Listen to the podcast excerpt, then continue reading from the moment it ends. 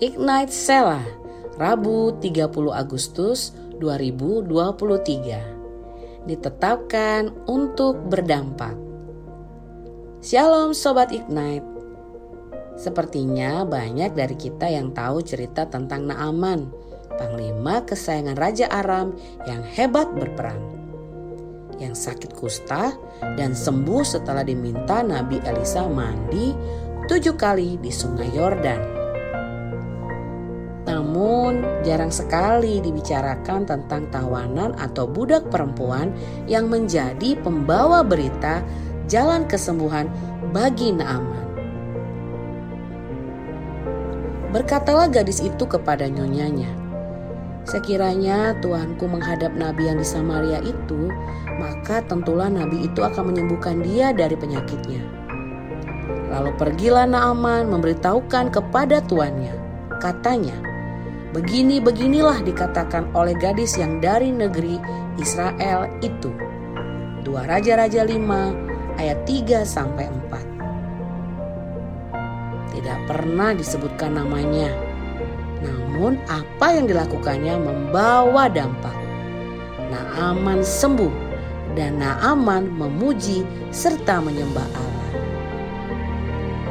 Anak perempuan ini sedang dalam situasi kehidupan yang tidak mudah. Dia adalah tawanan. Namun tidak berarti dia tidak bisa melakukan apa pun bagi orang lain. Dia peduli dengan hidup tuannya dan dia berkata-kata, dia nggak masa bodoh, namun bertindak. Dia menggenapi rancangan Tuhan atas hidupnya yang menurut orang lain tidak berarti. Dia membuktikan bahwa Allah bisa memakai hidupnya berdampak dan memberkati orang lain. Karena dia diciptakan untuk berdampak bagi dunia ini. Sobat Ignite, Demikian juga dengan setiap kita. Jangan lihat keterbatasan, tapi lihatlah kebesaran Tuhan. Ketetapan Tuhan adalah kita berdampak dan menjadi berkat sampai ke bangsa-bangsa.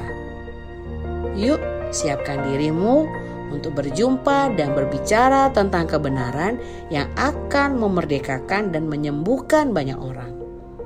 Ada banyak naaman di sekitar kita.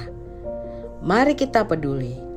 Mari kita bertindak dan mari kita berdampak. Amin. Selamat beraktivitas sobat Ignite. Tuhan Yesus memberkatimu.